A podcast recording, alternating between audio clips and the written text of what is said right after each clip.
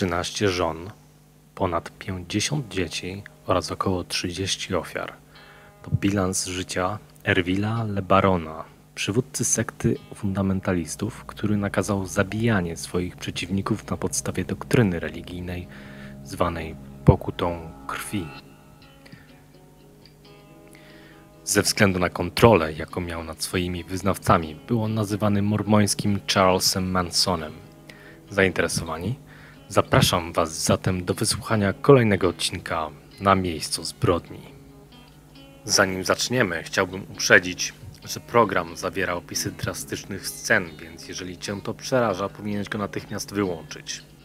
Naczelny szereg internetu w postaci YouTube nie tylko przycina zasięgi, ale również permanentnie zdemonetyzował filmy, których każda minuta kosztuje około godzinę pracy, więc jeżeli Ci się spodobało, zostaw łapkę w górę, komentarz, subskrypcję oraz dzwonek, ponieważ motywuje mnie to do dalszej pracy.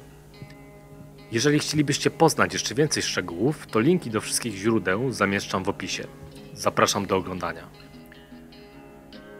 Pod koniec XIX wieku rząd Stanów Zjednoczonych zakazał poligami, a przez to wielu wyznawców Kościoła Jezusa Chrystusa w dniach ostatecznych wyemigrowało za południową granicę do Meksyku. Tam aż do dzisiejszego dnia mogą praktykować posiadanie jak największej liczby żon, będąc poza zasięgiem amerykańskiego prawa.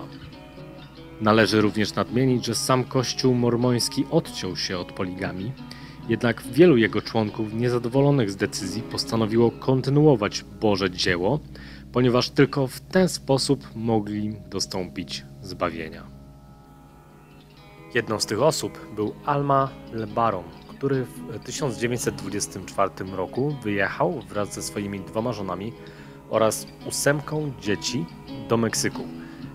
Założyli tam rodzinną farmę zwaną Kolonia Le Baron w stanie Chihuahua, około 300 km od granicy USA. Gdy w 1951 roku zmarł, przekazał on stanowisko przywódcy swojemu synowi Joelowi. Był on założycielem społeczności Kościoła Pierworodnych Pełni Czasu w Salt Lake City, Utah. Jego młodszy brat Erwin był drugą co do ważności osobą w kościele, który liczył około 30 rodzin. W młodości Erwil był charyzmatycznym, niebieskookim mężczyzną o wzroście przekraczającym 1,90 m. Pewność siebie biła od niego, gdy rozmawiając z ludźmi spoglądał im głęboko w oczy i cytował wersety z Biblii oraz Księgi Mormona. Jego wygląd oraz wysoka pozycja w kościele sprawiła, że kobiety uwielbiały go z wzajemnością. Uganiał się za mężatkami, matronami, siostrami oraz nastolatkami, każdej obiecując związek małżeński. Uważał również, że skoro Maryja urodziła Jezusa w wieku 14 lat, to on również może brać sobie małoletnie dziewczyny za żony. Po ślubie jednak traktował je przedmiotowo. Podobnie obojętny był w stosunku do swoich dzieci. W kolonii Lebaron kobiety służyły głównie do rodzenia i zajmowania się dziećmi, podczas gdy mężczyźni podejmowali wszystkie decyzje. W przyszłości kilka z jego 13 żon ucieknie do USA wraz z dziećmi, dwie będą dla niego mordować, a dwie kolejne padną jego ofiarą. W połowie lat 60. Erwil zapragnął zwiększenia swojej władzy we wspólnocie, a w szczególności w nowej enklawie Los Molinos, leżącej nad morzem o powierzchni prawie 3,5 tysiąca hektarów z 15-kilometrowym odcinkiem plaży. Joel i Erwil kłócili się o to, jak miejscowość ma być zarządzana. Starszy z braci chciałby, by było to miejsce dla ubogich mormonów, w którym mogliby prowadzić wspólne gospodarstwo rolne. Erwil natomiast, zaślepiony potencjalnym bogactwem, chciał zmienić to miejsce w turystyczny raj. Ściągał tam nawet potencjalnych inwestorów z USA i Meksyku, wskazując miejsca, gdzie stanąć by mogły resorty turystyczne czy marina dla prywatnych jachtów. Wyszukiwał również różnorakich sposobów na jak najszybsze wzbogacenie się, m.in. hazard w Las Vegas oraz sprzedaż ryb. Jednak nic z tych interesów nie wyszło, a członkowie kultu musieli ubierać się w szmaty i żywić cienką zupą. Oczywiście nie dotyczyło to Erwila, który ubierał się elegancko, a po bitych drogach kolonii jeździł złotym Chevroletem Impala, nazywanym przez wyznawców złotym cielcem. Gdy nie uganiał się za spódniczkami, przesiadywał czytając Stary Testament, po lekturze którego stwierdził, że tak jak wszyscy prorocy w dawnych czasach ma prawo do karania ludzi, którzy mu się przeciwstawią. W czasach mojżeszowych złamanie jednego z dziesięciu przykazań było karane śmiercią. Stwierdził więc, że stworzy swoją listę dziesięciu praw i nazwał je prawem cywilnym. Został również jego samozwańczym egzekutorem. Podczas wieczornych spotkań z mieszkańcami kolonii z błyskiem w oku opisywał dawne metody postępowania z grzesznikami obejmujące m.in. wypatroszenie, dekapitację czy ukamieniowanie. Rosnące ego i poczucie władzy Erwila nie spodobało się dotychczasowemu przywódcy sekty Joelowi. W końcu miarka się przebrała i latem 1972 roku Erwil, chcący rządzić wspólnotą darowin ze swym bratem, został pozbawiony całej władzy. Nie mogąc znieść upokorzenia, postanowił opuścić wspólnotę i założyć swoją kolonię, jednocześnie niczym biblijny Kain. Zaczął spiskować na życie swojego brata. Wkrótce założył też Kościół Baranka Bożego w San Diego, Kalifornia, a część starej wspólnoty podążyła za nim. Życie w kościele nie było łatwe, o czym możemy przekonać się słuchając wypowiedzi Anny, jednej z córek Erwila, późniejszej uciekinierki z sekty. Nauczano nas żyć w uwielbieniu do Niego, jako jedynego prawdziwego proroka Boga na ziemi. Mówiono nam, że jesteśmy dziećmi Bożymi i w to wierzyliśmy, pomimo tego, że traktowali nas bardzo źle. Wykorzystywał strach i manipulacje do kontrolowania ludzi. Żyliśmy w strachu przed okazaniem jakiegokolwiek nieposłuszeństwa i nie mieliśmy wpływu na nic. Widziałam, jak moje rodzeństwo jest bite za każde, nawet najmniejsze przewinienie. Dzieci były wykorzystywane jako darmowa siła robocza w warsztatach prowadzonych przez sektę, a stanowiących jej główne źródło utrzymania.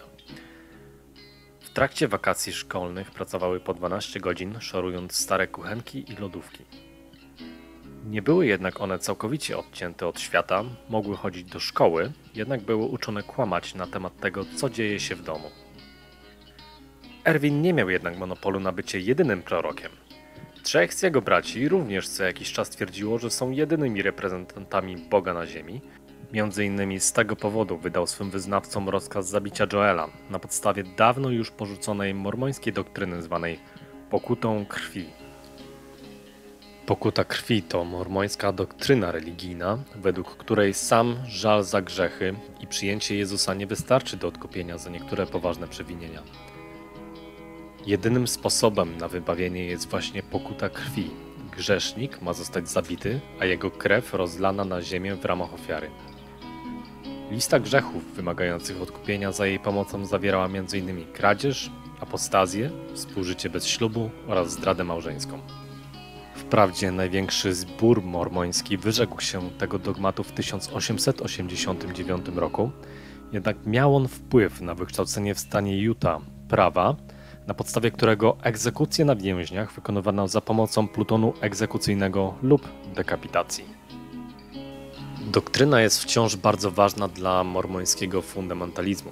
Wprawdzie oficjalnie Kościół mormoński ponownie wyrzekł się jej w 1978 roku, to jednak jeden z jego apostołów, Bruce McConkie, Wypowiadając się w imieniu Rady Kościoła, napisał, że wprawdzie wciąż wierzy, że część grzechów nie może zostać zmyta za pomocą krwi Chrystusa i wymaga pokuty krwi, to jednak może być ona wykonywana wyłącznie w państwie teokratycznym. Ze względu na długą historię prawa, potencjalni członkowie jury w sądzie byli pytani o swoje poglądy na jego temat przy orzekaniu kary śmierci aż do roku 1994. Wracając do Erwila. Jak widzimy, na podstawie doktryny mógł przekonać on swoich wyznawców, że zabijanie grzeszników wybawia ich od wiecznego potępienia i tak naprawdę to wyświadczają oni swoim ofiarom przysługę, umożliwiając im dostęp do zbawienia. 20 sierpnia 1972 roku dwóch członków sekty zaatakowało Joela w miejscowości Ensenada. Pobiło go, a następnie zastrzeliło na śmierć. Na miejscu przebywał też 14-letni syn Joela. Szczęśliwym trafem jednak w samej chwili zdarzenia był na zewnątrz budynku. Widział jednak uciekających sprawców. Erwil sądził, że po śmierci brata wspólnota dołączy do niego jak owce do pasterza. Oni jednak wybrali nowego przywódcę. Został nim najmłodszy z braci Lebaron, Verlan. Oskarżyli również Erwila o zabicie brata. Ten po prawie sześciu miesiącach sam zgłosił się na policję i po kolejnych dziewięciu stanął przed meksykańskim sądem, który skazał go w pierwszej instancji na 12 lat więzienia. Przedziwnym zbiegiem okoliczności spędził on jednak w meksykańskiej celi zaledwie jeden dzień, ponieważ został uniewinniony przez meksykański Sąd Najwyższy. Niektórzy hejterzy mówili wprawdzie o łapówce, ale z pewnością była to po prostu wola Najwyższego. Śmierć Joela była pierwszą z łańcucha wielu morderstw powiązanych z kultem, ofiarą którego padło kilka żon Erwila, jego brat, uciekinierzy z kościoła, przywódcy konkurencyjnych sekt poligamicznych oraz jego 17-letnia ciężarna córka. Po opuszczeniu murów więzienia Erwil popadł w lekką paranoję, obawiając się, że pozostali przywódcy konkurencyjnych sekt wydali na niego wyrok śmierci. Wysłał więc swoje żony i dzieci na szkolenia strzeleckie, a cała wspólnota zaczęła bardziej przypominać mafię. Do komunikacji używali wyłącznie budek telefonicznych, przyjęli też fałszywe nazwiska, na które wyrobili fałszywe dokumenty. W międzyczasie Verlan, bojąc się o swoje życie, ukrył się w Nikaragui. Dziwaczna gra w kotka i myszkę pomiędzy braćmi miała potrwać jeszcze kilka lat, jednak o tym dowiecie się z drugiej części materiału. Dzięki za wysłuchanie, mam nadzieję, że Ci się spodobało. Jeżeli tak, pamiętaj o łapce w górę, komentarzu, subskrypcji oraz kliknięciu w dzwoneczek. Do usłyszenia.